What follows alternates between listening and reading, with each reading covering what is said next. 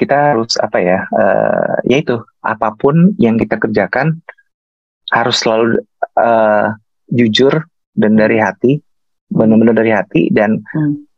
niatnya adalah membuat lagu apa pun juga supaya lebih enak dinikmati, enak. lebih enak didengar. Jadi kalau saya membuat lagi membuat film horor, saya biasanya selalu minta direkturnya atau siapalah produsernya itu maksudnya ya nemenin dan maksudnya benar-benar saya tuh orang penakut kalau untuk bicara musik dan film bersama Vika Rosemary. Halo, apa kabar teman bicara? Senang sekali saya Vika Rosemary dapat kembali lagi di podcast seri bicara. Setelah sebelumnya kita uh, banyak berbicara seputar media, kemudian pandemi, kemudian uh, di episode perdana uh, beberapa minggu lalu, eh bukan beberapa tapi minggu lalu kita bicara soal musik. Sekarang kita sudah masuk ke podcast bicara seri musik dan film dan di edisi kedua bicara musik kali ini kalau minggu lalu saya wawancara keponakannya, maka minggu ini saya wawancara Pak D-nya. Ayo lo, gue panggil Pak D. Mas Aduh. Andi Rianto. Yeay. Halo Vika. Hai Halo. Mas Andi, apa kabar? Baik, alhamdulillah. Ngomong-ngomong setahun belakangan ini kan ya kita lagi enggak, enggak, pandemi. sebelum ya, sebelum ini, ah, iya. sebelum itu Vika iya, temannya Mbak Sita ya, ibunya Nino. Aduh, jangan dibuka itu rahasia. Kenalnya ibunya bukan anaknya. Berarti sumuran kita ya. Oh gitu ya. Kita, tapi kita nggak usah buka-buka okay. umur karena umur itu hanya sekedar angka. Uh, age is yeah. just a number, right? Yes, yes. Itu tadi balik ke pertanyaan gue. Uh, setahun hmm. terakhir ini pandemi, art yang artinya yeah pertunjukan musik, kemudian juga apa ya, ya pertunjukan musik, festival, konser itu nggak ada. Jadi aktivitasmu yeah. Mas Andi setahun belakangan ini hmm. itu apa aja? Di studio kah tetap atau banyak-banyak proyek di belakang layar atau gimana? Oke, okay. memang uh, setahun belakang ini masa-masa yang berat buat kita semua ya, uh, terutama uh, saya dan Magenta Orkestra memang nggak nggak nggak ada konser tuh sedikit sekali dan kita misalnya kalau ada uh, plan untuk buat konser tuh banyak akhirnya kita akhirnya dipending mm -hmm. karena takutnya kita apa ya maksudnya kalau orkestra kan banyak banyak orang mm -hmm. jadi oleh karena itu akhirnya saya ya kerja dari rumah dan akhirnya saya mikir-mikir semangat bara api untuk berkarya itu terus ada, harus selalu ada ya. Harus. Gitu.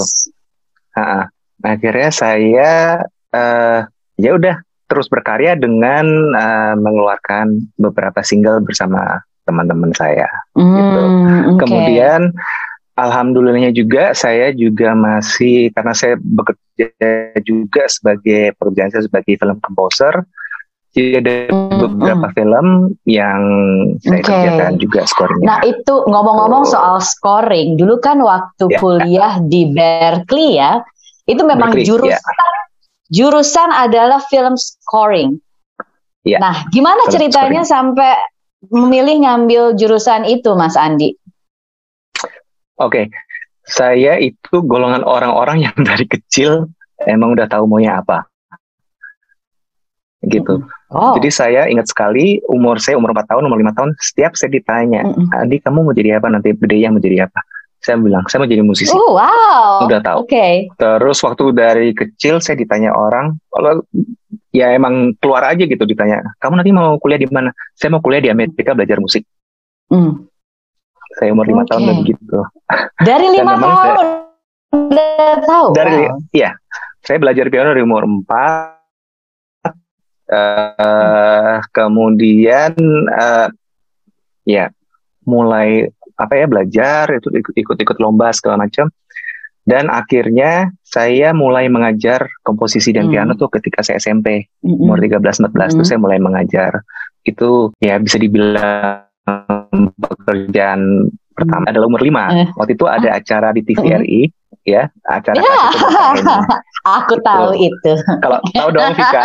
Nah, itu waktu itu saya ingat sekali saya uh, kalau nggak salah honornya sekitar tiga ribu apa waktu tahun itu. Hmm, tapi itu banyak loh, 3000 tahun segitu. Kayaknya uang taksinya 5000 deh. Oh, nombok dong berarti ya. Itu dia umur lima tahun waktu itu. Oke. Gitu. Wow.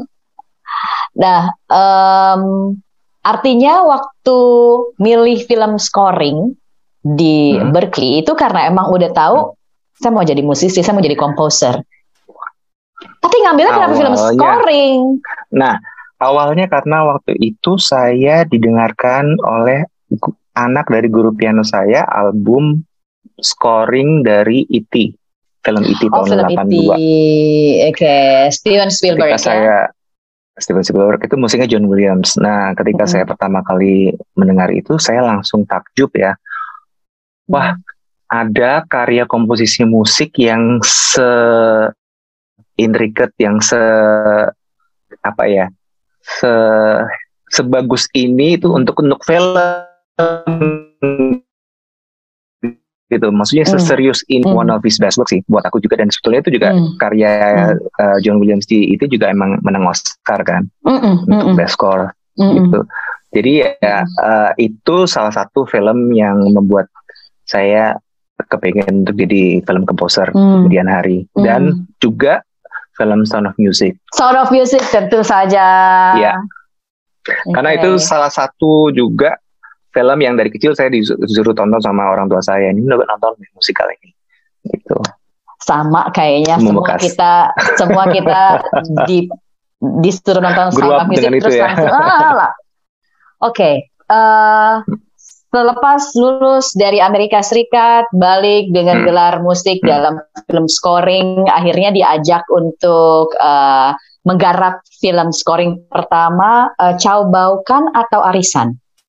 Cabokan. Yang Tapi pertama, sebenarnya Cabokan. sebenarnya waktu saya balik pertama kali itu industri film di Indonesia juga waktu itu masih agak sedikit tiarap kan.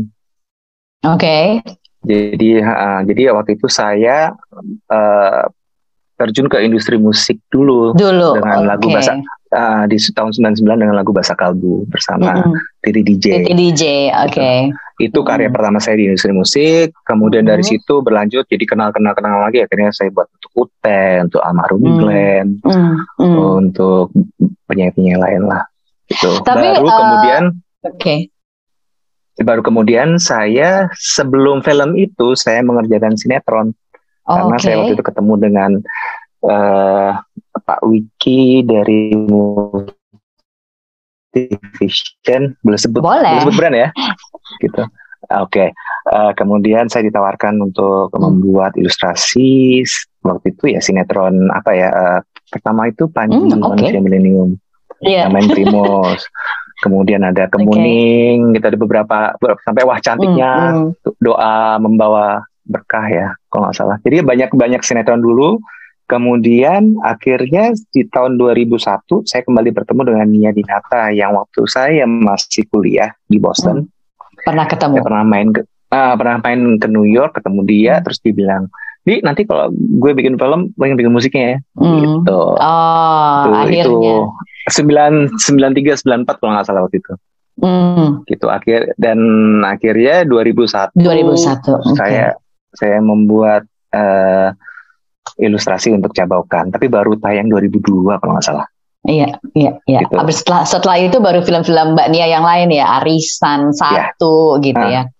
iya. Tapi yang yang aku inget sih eh, dulu ya waktu awal-awal eh, nama Andi Rianto tuh mulai muncul tuh kayak Mhm. semua musik yang diciptakan dan di aransemen eh, composing ah, yang di aransemen oleh Mas Andi tuh kayak wow gitu loh kayak sisi orkestranya itu megahnya itu kelihatan gitu. Waktu itu beda sekali dengan eh, komposer atau arranger yang udah ada gitu. Ketika Hmm. Andi Rianto masuk tuh kayak musik Indonesia tuh lebih oh, wah gitu. Eh, itu apakah karena ada pengaruhnya? Karena belajar film scoring tuh yang kebayang gitu ya. eh, Kalau kalau aku sebagai orang awam gitu ya, ini kan kita mesti langsung ketika kita bikin film scoring eh, eh, apa ya musik di film itu sangat krusial karena dia itu menyentuh emosi, membangun emosi gitu Ya. kan. Hmm. Akhirnya itu juga ber berperan di karya-karyanya hmm. Mas Andi dalam lagu pun gitu, dalam mengaransemen lagu pun gitu. Bener gak? Oke, jadi memang karena saya dari kecil sudah mendengar banyak sekali. Jadi maksudnya jenis musik saya nggak nggak batasin ya. Hmm. Jadi saya dengar jazz, saya dengar klasikal. Banyak waktu masih kecil, of course hmm. lebih banyak klasikal. Hmm. Tapi juga yang banyak adalah film scoring. Jadi memang ketika saya membuat aransemen-aransemen awal-awal itu juga mungkin uh, pasti akan terdengar pengaruh kayak film scoring dan ilustratif mm. musiknya. Mm. Dan sebetulnya kalau saya lihat-lihat kembali uh, waktu awal-awal musik itu saya memang belum dikasih budget sama uh, label-label record label dan okay. produser untuk pakai orkestra beneran. Okay. Jadi memang saya pakai MIDI sequencer, mm. pakai apa namanya? Kita ngomongnya string plastik. Oke. Karena memang bukan bukan bukan real orkestra gitu. Oke. Okay. Lama-lama ya apa namanya akhirnya saya mulai dikasih kepercayaan untuk benar-benar memakai orkestra beneran real musician hmm. which is itu yang saya inginkan. Gitu. Hmm, Oke, okay. lebih uh, proses kreatif membuat scoring film tuh kayak apa sih? Kita tahu dulu nonton filmnya hmm. terus kita lihat adegan hmm. per adegan atau gimana? Ya. Oke, okay.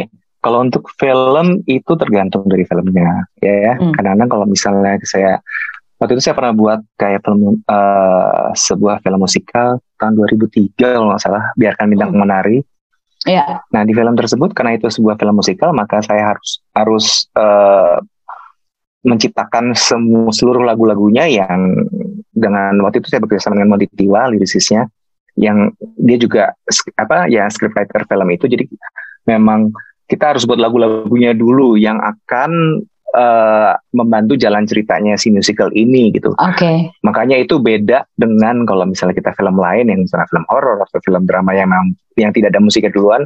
Emang saya melihat uh, pick lock dari apa uh, picture lock tuh maksudnya udah film yang editannya udah udah fix ya. Saya baru dari situ baru saya uh, spotting. Spotting hmm. adalah menempatkan kira-kira cue musiknya di mana saja. Di mana? Oke. Okay. uh, di mana kemudian baru ya uh, komposisi membuat komposisi untuk cue cues di musik di film tersebut gitu jadi emang agak kalau misalnya musikal emang agak-agak terbalik kita harus um, most of the time most of the songs kita harus duluan karena oh. mereka akan akan dipakai untuk syuting kan gitu. oh oh oke okay. gitu.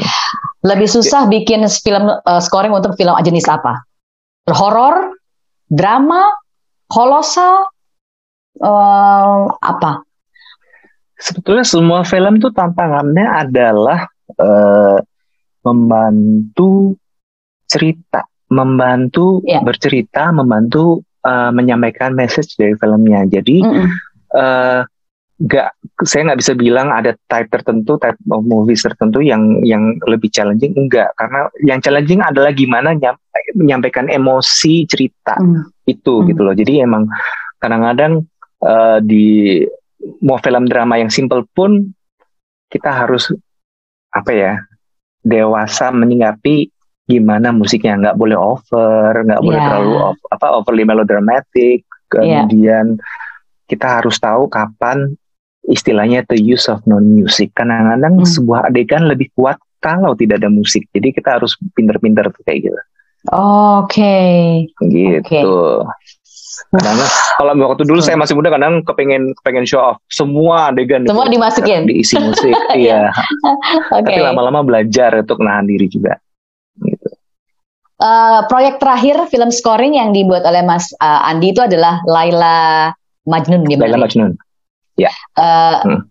kangen nggak bikin scoring film di era pandemi sekarang ini. Karena uh, film film Layla itu kalau nggak salah direkam tuh sebelum pandemi ya, di uh, syutingnya tuh sebelum pandemi ya produksinya. Ya? Syutingnya sebelum pandemi, tapi waktu saya mengerjakan skornya di masa pandemi.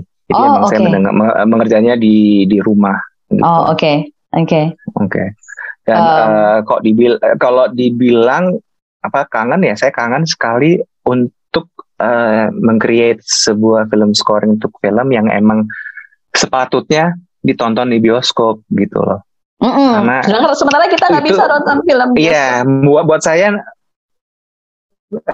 uh, menonton film yeah. di bioskop itu tak tergantikan. Mau bagaimanapun juga karena uh, kebersamaan kita nonton sama penonton lain, kemudian layarnya, uh, layarnya yang besar jadi ini Ya, imersif buat kita kemudian Sound. sound, audio sistemnya ya. surrounding kita Hmm. gitu jadi emang eh, itu nggak tergantikan walaupun ya tapi kan memang karena pandemi jadi memang eh, beberapa film akhirnya di, di shift kita ke tayang di OTT gitu. Oke. Untuk sementara kita sabar-sabar dulu ya. Jadi eh, Kak belum bisa nonton di bioskop jadi kita sabar-sabar dulu Ya. nonton filmnya format My digital. next movie ada nih. Eh. My next movie ada ada selesai juga scoringnya backstage. Hmm. Eh, itu saya juga itu apa ya kayak eh, film musik bukan bukan musical tapi film musik ada banyak lagu di situ dan Oke. saya harapan saya adalah kita bisa semua menyaksikannya di layar lebar Di bioskop ya. di bioskop. Mudah-mudahan, mudah-mudahan. ya Nah, apa yang paling dirindukan oleh seorang Andi Rianto di masa pandemi ini? Uh, bikin konser musik dengan uh, konsep orkestra atau bikin scoring film yang kita juga belum tahu kapan akan tayang di bioskop. Tapi jawabannya nanti setelah yang berikut ini. Teman bicara jangan ke mana-mana, tetap di uh, Bicara Musik bersama Andi Rianto. Uh, saya akan kembali setelah yang berikut ini. Halo teman bicara, kembali lagi di Bicara Musik. Saya Vika Rosemary. Kali ini bersama dengan uh, Andi Rianto, ya, seorang saya bingung menyebutnya karena banyak sekali beliau, komposer, ranger, musisi juga, uh, pembuat skor film, terus segala macam lah. Semua yang berhubungan sama musik itu lekat dengan uh, nama Andi Rianto. Dan uh, senang sekali karena di bulan Maret ini adalah Hari Musik Nasional. Jadi uh, pas di momen Hari Musik saya bisa ngobrol-ngobrol dengan Mas Andi. Tadi pertanyaannya adalah sampai lebih kangen mana di masa pandemi ini? Bikin scoring film atau bikin konser musik dengan konsep orkestra? Nah, yang mana yang mesti dipilih? Eh, yang yang paling dikangenin? Eh, sebenarnya kalau misalnya untuk scoring film kan saya masih bisa mengerjakan di rumah kan Hmm.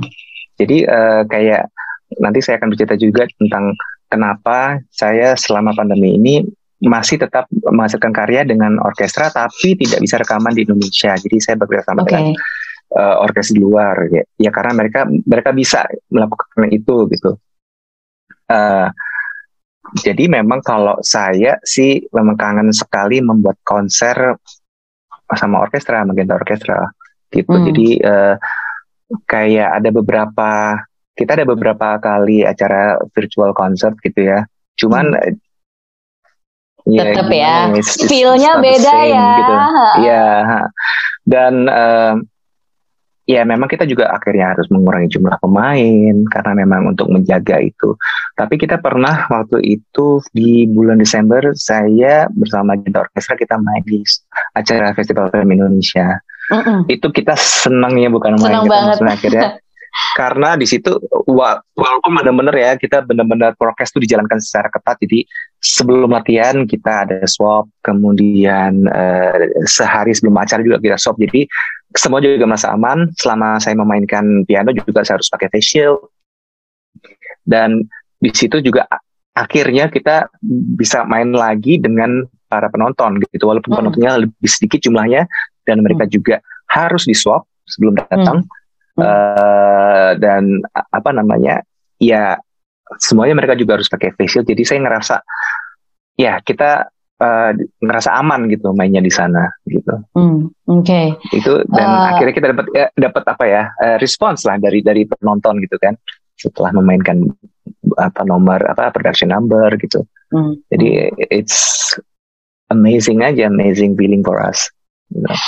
Eh, soalnya sebelum soalnya gini ya sebelum pandemi itu kita kayak Hmm. itu jadi rutinitas sehari-hari dan ketika rutinitas Ya. itu berhenti karena terpaksa dipaksa berhenti karena keadaan karena situasi eh, akhirnya ketika kita dapat kesempatan untuk melakukan itu lagi itu jadi kayak wah gitu ya pandemi ini mengajarkan kita bahwa don't take things for granted for granted yes Ah, karena eh, ya itu tadi begitu tadi kita udah bisa kumpul bareng-bareng terus ada ada penontonnya Hmm, dan realize bahwa ya kita tuh harus selalu bersyukur gitu hmm, dan akhirnya pandemi itu mengajar, mengajarkan saya khususnya bahwa we don't need a lot of things gitu loh. Hmm, hmm, Oke. Okay. Nomor satu kesehatan. Uh, betul, kesehatan jadi nomor satu akhirnya hmm. mengalahkan semuanya. Uh, Mas Andi, nama yeah. orkestranya Magenta. Aku pengen tahu kenapa nggak dinamain Magenta ya? Uh, karena Magenta itu kayak warna waktu itu warna. saya orang yang senang sekali warna uh, hmm. kayak warna matahari mau terbit gitu terbit. kayak ada magenta hmm. magenta hmm. gitu jadi hmm. saya ya udah magenta orkestra aja oke okay. as simple as that sih kalau misalnya sekarang lagi vakum hmm. gitu ya terus uh, yeah, yeah. musisi-musisinya hmm, gimana Mas Andi mereka apakah hmm, freelance Wah, kita sangat-sangat gini me eh, memang di Magenta itu uh, semuanya memang istilahnya mesti cabutan ya jadi mereka juga mm. bermain untuk orkes lain gitu kan di mm. Indonesia belum ada yang benar-benar kita benar-benar full full, full time gitu mm. nah akhirnya ada beberapa musisi orkestra itu kan kita semuanya terkenal banyak akhirnya mereka mm. beberapa kita tuh uh, orkestra Indonesia kita membentuk namanya Indonesian Orchestra Society Mm-mm. Itu itu nama okay. uh, waktu itu uh, Mas uh, Andika Chandra Chandra Chandra yang yang memimpin lah iOS ini. Jadi mereka membuat ya program untuk yang menolong para musisi. Tapi ya akhirnya kita juga harus adapt dengan situasi ini. Jangan saya melihat banyak teman-teman musisi akhirnya ya ya banding setir jadi jual makanan hmm. atau jual apa pun juga. Jadi okay. emang kita semuanya juga harus ya survive. yang sulit ini kita harus survive gitu. Hmm, hmm, Oke. Okay. Sambil terus uh, terus berusaha supaya ya nanti ya apa ya situasi ini mudah-mudahan segera berlalu, misalnya kita bisa bermusik kembali. Oke. Okay. Dan yang juga kita mesti ingat bahwa situasi ini nggak hanya dialami oleh musisi kita di Indonesia, tapi di seluruh dunia pun mengalami hal yang sama ya. Ya, ya. Semua semua berada dalam uh, battlefield yang sama gitu. Nah, Mas Andi, uh, ya. tadi Mas Andi juga udah menyebut soal uh, pernah meng mengadakan kolaborasi dalam bentuk virtual orkestra dan lain-lain dan sekarang pun banyak ya. musisi yang akhirnya melakukan virtual concert dan lain-lain. Tapi hmm. dari sudut pandang musisi sebenarnya uh, ini kita tidak bicara mengenai feel karena itu pasti tidak tergantikan kalau live ya uh, live yeah. dengan virtual. Yeah. Tapi kita bicara dari segi teknis, kita bicara dari ya lebih banyak ke segi teknis. Dalam menyiapkan uh, satu festival musik atau konser musik atau apa pun itu dalam bentuk virtual hmm. itu seribet hmm. apa atau serumit hmm. apa sih sebenarnya? Uh, lebih apa ya?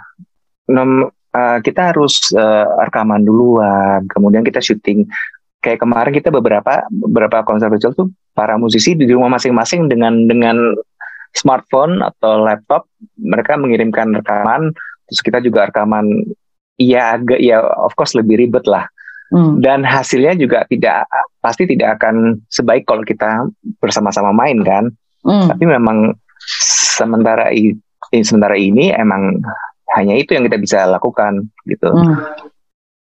jadi uh, ya emang kita harus lebih banyak lagi pekerjaannya karena kita harus uh, mengumpulkan itu video-video dari para musisi. Okay. Kemudian kita harus mixingnya juga harus kita ngumpulin ngumpulin sound satu-satu. Kemudian kita harus mixingnya mixingnya harus lebih karena pasti kan misalnya ada satu musisi di di, di mereka rata-rata kalau Magenta Orkestra musiknya dari Jogja, mereka tinggal hmm. di Jogja kan. Hmm. Kayak misalnya kan, kan nggak semuanya punya alat perekam yang sama Ya, oke. Okay. Ya kan, pasti akan berbeda. Nah itu, jadi kita ada ada extra work untuk membuat supaya lebih lebih rata lah kualitinya. Gitu. Hmm, okay. Kemudian um, ya itu tadi, karena biasanya kita rekaman uh, udah udah udah pre-recorded uh, musiknya, kemudian nanti pas di eventnya biasanya hanya saya dengan dengan piano, kemudian diiringi dengan back sound yang apa maksudnya backgroundnya dengan orkestra itu yang sudah pre-recorded karena memang kita tidak bisa kita tidak bisa ada di situ kan kamera. Hmm. Hmm, Oke, okay. jadi memang lebih rumit secara teknis gitu ya? Yes, but it can be done gitu. Iya, uh, Hmm. Belum lagi masalah koneksi internet gitu. Ntar tiba-tiba yes. putus. ya kalau misalnya sering kali kalau misalnya saya ada kayak live apa gitu pasti adalah yang namanya lagging kan. Mm -hmm. Itu juga yang kita harus siasati gitu. Mm, Oke. Okay. Uh, eh, sekarang mari kita bicara mengenai orkestra. Eh, banyak orang yang masih yeah. mengasosiasikan in orkestra itu dengan musik yang serius gitu ya, musik klasik dan lain sebagainya. Hmm. Padahal uh, kalau uh, kita lihat sebenarnya dalam beberapa tahun belakangan ini orkestra juga sudah berkembang uh, menjadi suatu yang apa ya, tidak lagi kayak wah harus eksklusif banget gitu kayak kalau kita bicara orkestra dulu kan kayak wah gitu. Uh, apa tantangan terbesar sebenarnya dari Mas Andi untuk mensosialisasikan atau mengedukasi masyarakat tentang orkestra dan dalam memimpin sebuah orkestra di uh, Indonesia sekarang? Oke, okay. mungkin saya harus ceritakan kenapa uh, saya mendirikan Magenta Orkestra 2004 ya. Hmm. Tujuan saya di 2004 mendirikan Magenta itu memang untuk mematahkan stigma bahwa musik musik orkestra itu, simfoni orkestra itu unreachable yang orang hanya hanya segelintir orang bisa nikmatin. Terus yang, yang yang kamu bilang tadi yang seperti kayak musiknya susah terlalu serius gitu. Jadi hmm. saya mau mematahkan stigma itu. Dan alhamdulillahnya di tahun 2004 saya uh, ditawar ditawari untuk menjadi music director untuk acara Indonesian Indonesian Idol itu di RCTI 2004 itu saya waktu itu jadi music director di sana sampai lima season. Hmm. Nah, buat saya ini kesempatan emas untuk tujuan Magenta tadi memasyarakat hmm. musik musik. Jadi sejak saat itu ya kan karena memang semua musik saya balut dengan dengan iringan orkestra, jadi memang saya mendapat banyak sekali uh, input dari banyak masyarakat bahwa mereka tuh anak-anak muda, ya. terus uh, banyak yang bilang, wah ternyata asik ya dibuat kayak gini gitu ya. ya. Dan itu juga uh, kayak buat saya juga saya pengen sharing gitu loh, edukasi juga bahwa eh, nggak uh, ada musik yang jelek, nggak ada lagu yang jelek. Itu tergantung bagaimana kita mengemasnya. Hmm. Itu makanya kayak di Indonesian Idol atau setelah itu di 2010 saya mendirikan acara Harmonia CTV. Mm -mm. Itu saya selalu ada menyelipkan kejutan dari segi aransemen, dari hmm. memang lagu yang lagunya yang orang kenal uh, tidak begitu akhirnya saya bungkus saya saya bungkus envelope dengan uh, orchestral sound dan dan akhirnya packagingnya jadi berubah gitu. Berubah. Dan ternyata jadi, orang oh okay. oh asik juga ya asik, lagu iya. ini dengan dengan orkestra gitu.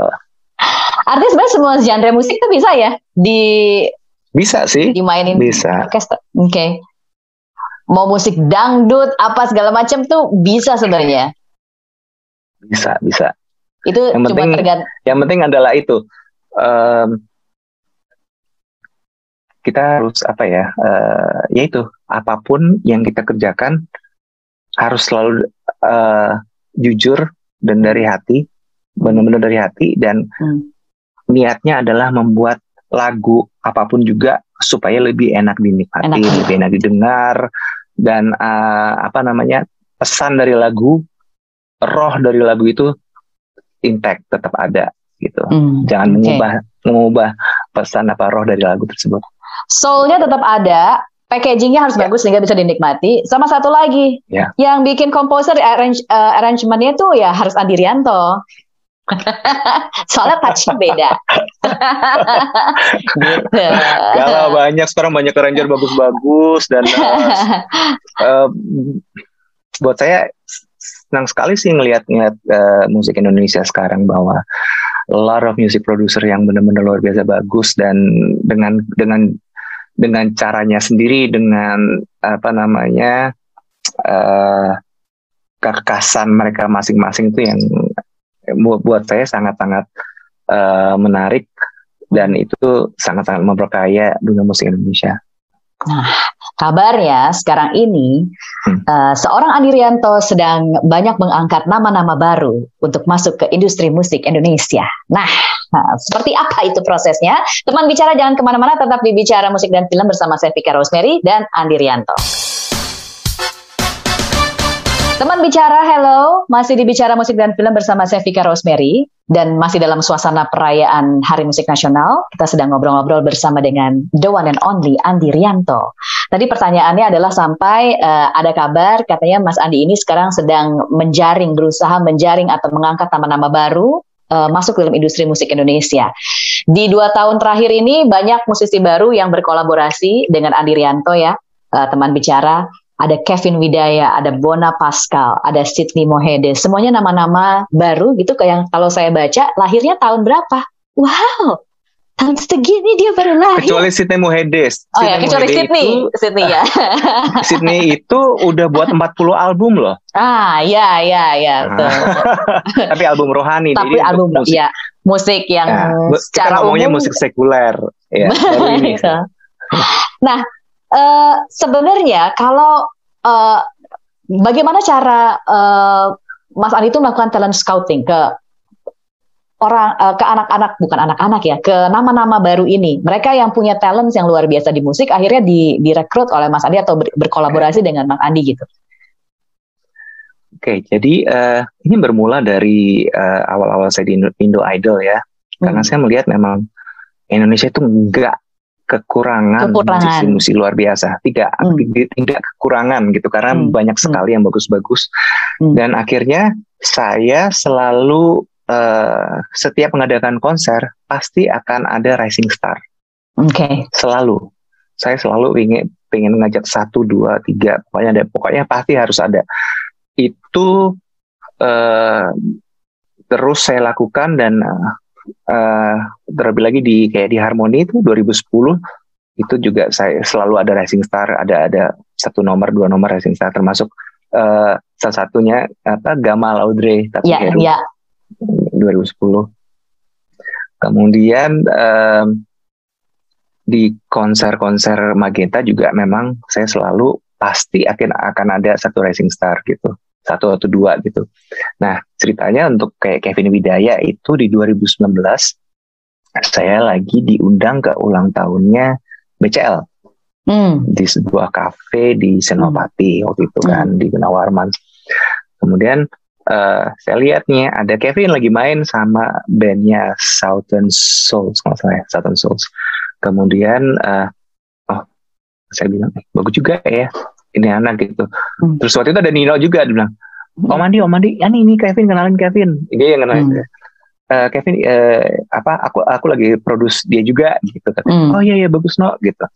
Kemudian di tahun 2019 saya ada beberapa konser. Akhirnya saya tanya sama dia, Kevin mau nggak untuk main untuk as a rising star di konser yang makin Orchestra? And, and he said yes gitu. Uh, dan itu akhirnya di 2000 bulan November setelah konser Makin Orkestra 15 saya workshop sama Kevin hmm. untuk membuat sebuah lagu hmm. dan itu baru tayang akhirnya di awal pandemi awal. itu yang tak berhenti oh, iya. Oh, gitu okay. jadi emang itu ceritanya nah hmm. dari situ saya membuat waktu itu saya membuat namanya tak berhenti challenge jadi banyak hmm. sekali uh, orang yang ikut challenge itu dan dan yang saya suka nggak nggak cuman sahabat-sahabat saya yang di dunia musik jadi waktu itu ada ya Raisa ada hmm. Afgan Maruli Tamu Bolon ada Widiawati Vina Memes pokoknya banyak gitu ya musisi ada Rosa ada banyak sekali yang ikutan tapi juga banyak sekali yang uh, mungkin belum setenar mereka gitu kan hmm. nah salah satunya adalah Bona Pascal hmm. akhirnya Uh, ternyata produser dia dia punya eksekutif produser adalah sahabat saya dulu di Boston akhir ya akhirnya akhir, ya udah akhirnya kita bilang oke okay, let's do ini collaboration akhirnya adalah semua karena kamu hmm, gitu. okay. itu okay. itu cerita dengan Bona Pascal hmm, gitu dan okay. memang uh, saya juga uh, masih terus mencari kayak bakat-bakat baru karena ya itu tadi banyak sekali yang uh, bakat-bakat baru di Indonesia yang kayaknya asik-asik banget gitu dengan dengan their fresh ideas untuk kolab kolaborate dengan saya. Hmm, Oke. Okay. Nah, biasanya dari uh, apa yang bisa Mas Andi pelajari dari uh, nafas-nafas segar atau darah-darah muda ini. Karena mereka berada di uh, mereka besar di uh, era musik yang berbeda gitu. Sekarang udah sangat mm-hmm. di musik digital itu udah sangat dominan gitu. Apa yang bisa Mas Andi pelajari dari mereka? Uh, yang jelas mereka itu anak-anak muda sekarang tuh musiknya tuh itu sekali sangat apa ya? Iya, yang, yang kalau kalau kamu bilang tadi ada ada berasa fresh tuh emang benar gitu yang, mm, yang mm. dengan gayanya gayanya masing-masing mm. tapi uh, apa ya kalau jadi itu buat tantangan saya juga buat kalau kolaborasi dengan dengan mereka adalah gimana supaya ini nih kelebihan si anak ini akan intact akan terus mm. ada di proyek mm. ini gitu loh jadi mm. jangan sampai kita kamu nyanyinya ya udah ikutin aku aja gitu gitu it's not the way we work gitu jadi memang benar-benar benar-benar uh, real collaboration jadi yang selalu saya uh, selami dulu tanya dulu tanya-tanya dulu cerita-cerita dulu uh, pengalamannya apa yang mereka suka dan jenis musik apa yang mereka suka jadi benar-benar kalau kolaborasi itu emang kita benar-benar harus sesuai dengan karakter sesuai. vokal paling penting hmm. ya okay. dan dan apa yang diinginkan mereka oh, oke okay. biasanya mereka menginginkan apa anak-anak muda ini jumlah film uh, sebetulnya apa sebetulnya gini ya um, banyak yang mereka bilang Mas Andi aku pengen musiknya megah banyak gitu. Because it's your signature. It's your signature yeah, musik megah. Iya yeah, sih. Iya, tapi mak maksudnya gini, uh, yang penting buat saya itu dinamika lagu terus emosi dari lagu itu message lagu itu yang sampai ke pendengar itu yang paling penting. Kadang-kadang hmm. lagu yang sesimpel yang gak usah pakai orkestra tapi hanya piano itu juga bisa mm. very powerful dengan reaching out to you gitu loh mm. yang bisa masuk ke hati itu juga bisa gitu loh jadi maksudnya ya kita harus sesuai dengan kebutuhan apa yang ingin kita sampaikan gitu. oke okay.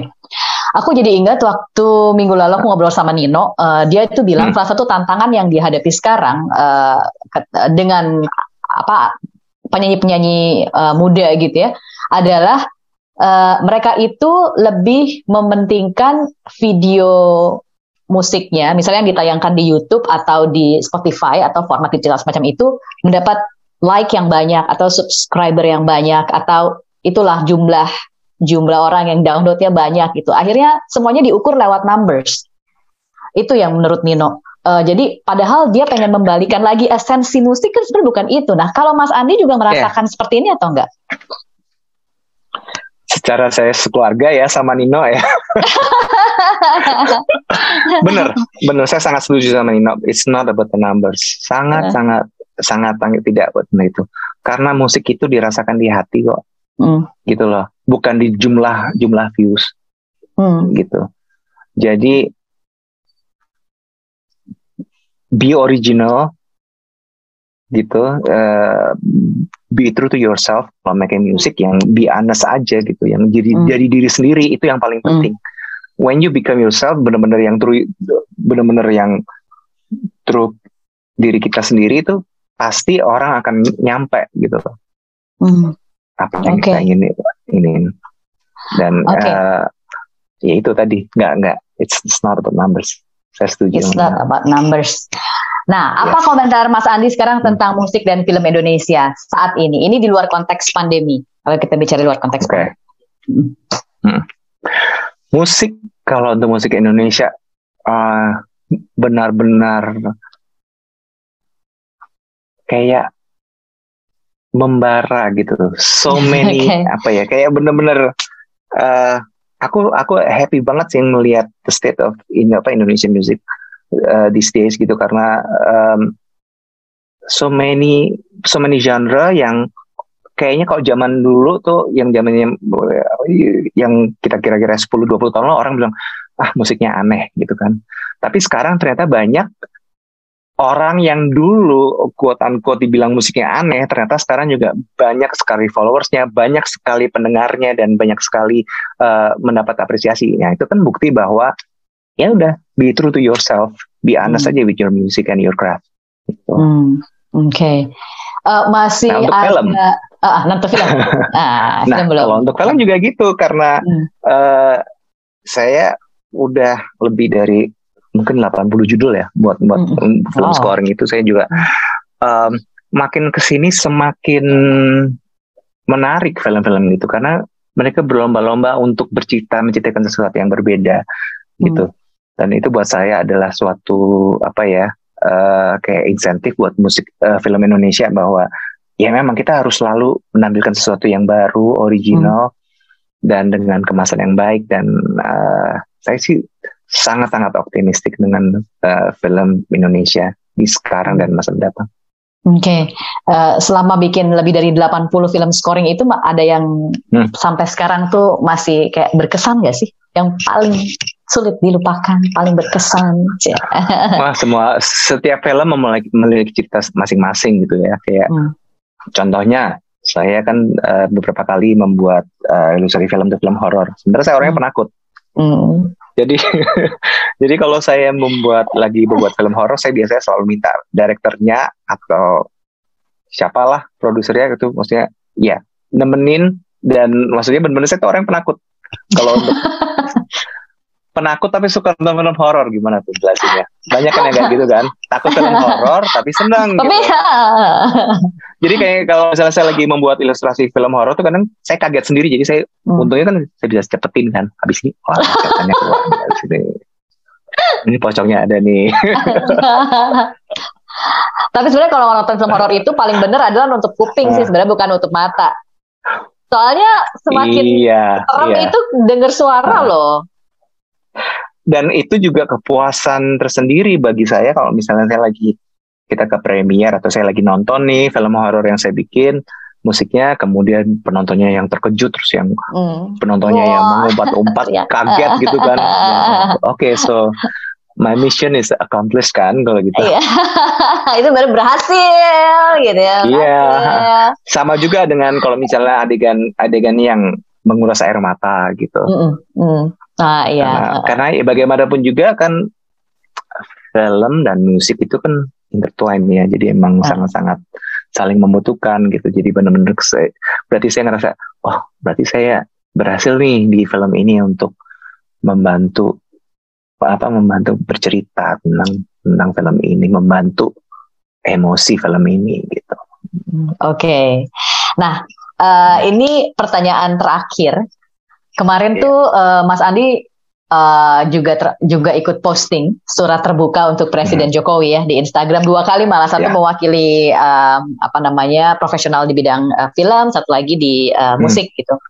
Sebenarnya apa Hmm. harapan dari Mas Andi dan teman-teman eh, untuk surat viral eh, surat terbuka yang yang viral ini?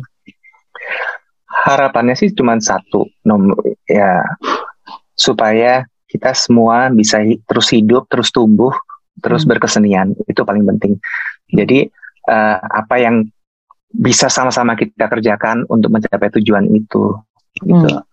misalnya percepatan vaksin dan lain sebagainya Gitu. Apakah Mas Andi Karena- melihat upaya upaya pemerintah sekarang kayak kurang gitu, si lambat atau gimana? Eh, saya rasa ah, pemerintah pasti banyak sekali ada challenge yang yang mereka hadapin. Jadi kita juga kita nggak boleh terlalu memaksakan juga kan. Tapi maksudnya Hmm. dengan dengan surat himbauan itu maksudnya apa sih yang kita bisa lakukan bersama-sama untuk untuk supaya kita lebih cepat lagi eh, apa namanya terbebas dari masalah ini gitu. Hmm, Itu sih yang saya Oke. harapkan. Oke, Gitu. ngomong-ngomong udah nonton film Hmm. lagi belum di bioskop? Kan sekarang bioskop udah dibuka. eh kemarin akhirnya saya eh, nonton Wonder Woman. Oh, oke. Akhirnya ya, senang banget masuk Ah. bioskop. Aduh seneng banget, seneng banget, seneng luar biasa. Mudah-mudahan deh, mudah-mudahan. Saya lihat eh, kayak saya apa kemarin juga lihat cerita bahwa kayak banyak karyawan-karyawan bioskop yang mereka sampai ke ke bawah misalnya ada di mall di lantai berapa lantai atas gitu mereka ke bawah untuk bilang bahwa mereka buka mereka Hmm. terus itu buat, buat saya itu yang ya sedih miris tapi saya sangat-sangat ah, terharu melihat semangat-semangat mereka itu hmm, gitu. Oke. Okay, Dan saya okay. benar-benar benar-benar harap bahwa ini semuanya akan cepat berlalu. Oke, okay, semua akan cepat berlalu dan uh, oke okay, ya. ini uh, mungkin pesan pesannya Mas Andi buat uh, buat kita semua uh, untuk tetap menjaga agar musik dan film Indonesia tetap apa ya tetap berkobar di era pandemi ini. Silahkan Mas Andi. Don't give up.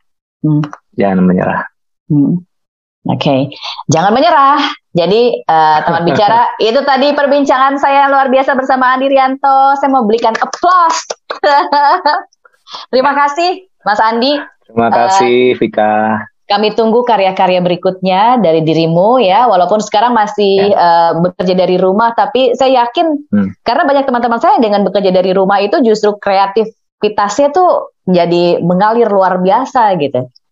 Jadi mungkin nanti akan mengeluarkan uh, album atau bikin konser yang temanya adalah dari rumah, karya dari rumah. ada beberapa sih, ada beberapa upcoming projects nanti. Mudah-mudahan ya. Nantikan tanggal mainnya. Ya. Mas Andi Rianto, terima kasih sekali lagi. Uh, selamat Hari Musik Nasional. Ya, selamat Hari Musik Nasional buat kita semua. Terima kasih dan teman bicara uh, itu tadi perbincangan saya bersama Andi Rianto di uh, podcast uh, edisi bicara musik dan film kali ini. Nantikan uh, podcast edisi bicara musik dan film berikutnya dengan tamu yang uh, lain dan jangan lupa dengarkan uh, podcast bicara di ruang siar juara hanya di Spotify. Saya Vika Rosemary pamit, bye bye.